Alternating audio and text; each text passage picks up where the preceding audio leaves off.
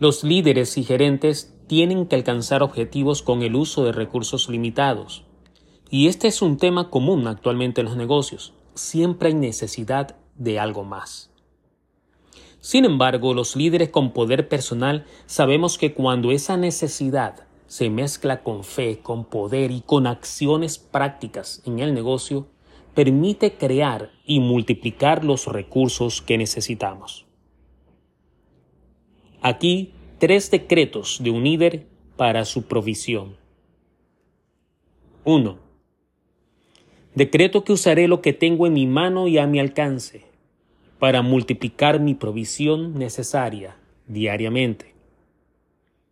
2. Decreto que siempre tendré todo lo suficiente en todas las cosas y tendré abundancia para toda buena obra. 3. Decreto que donde quiera que vaya tendré favor y gracia.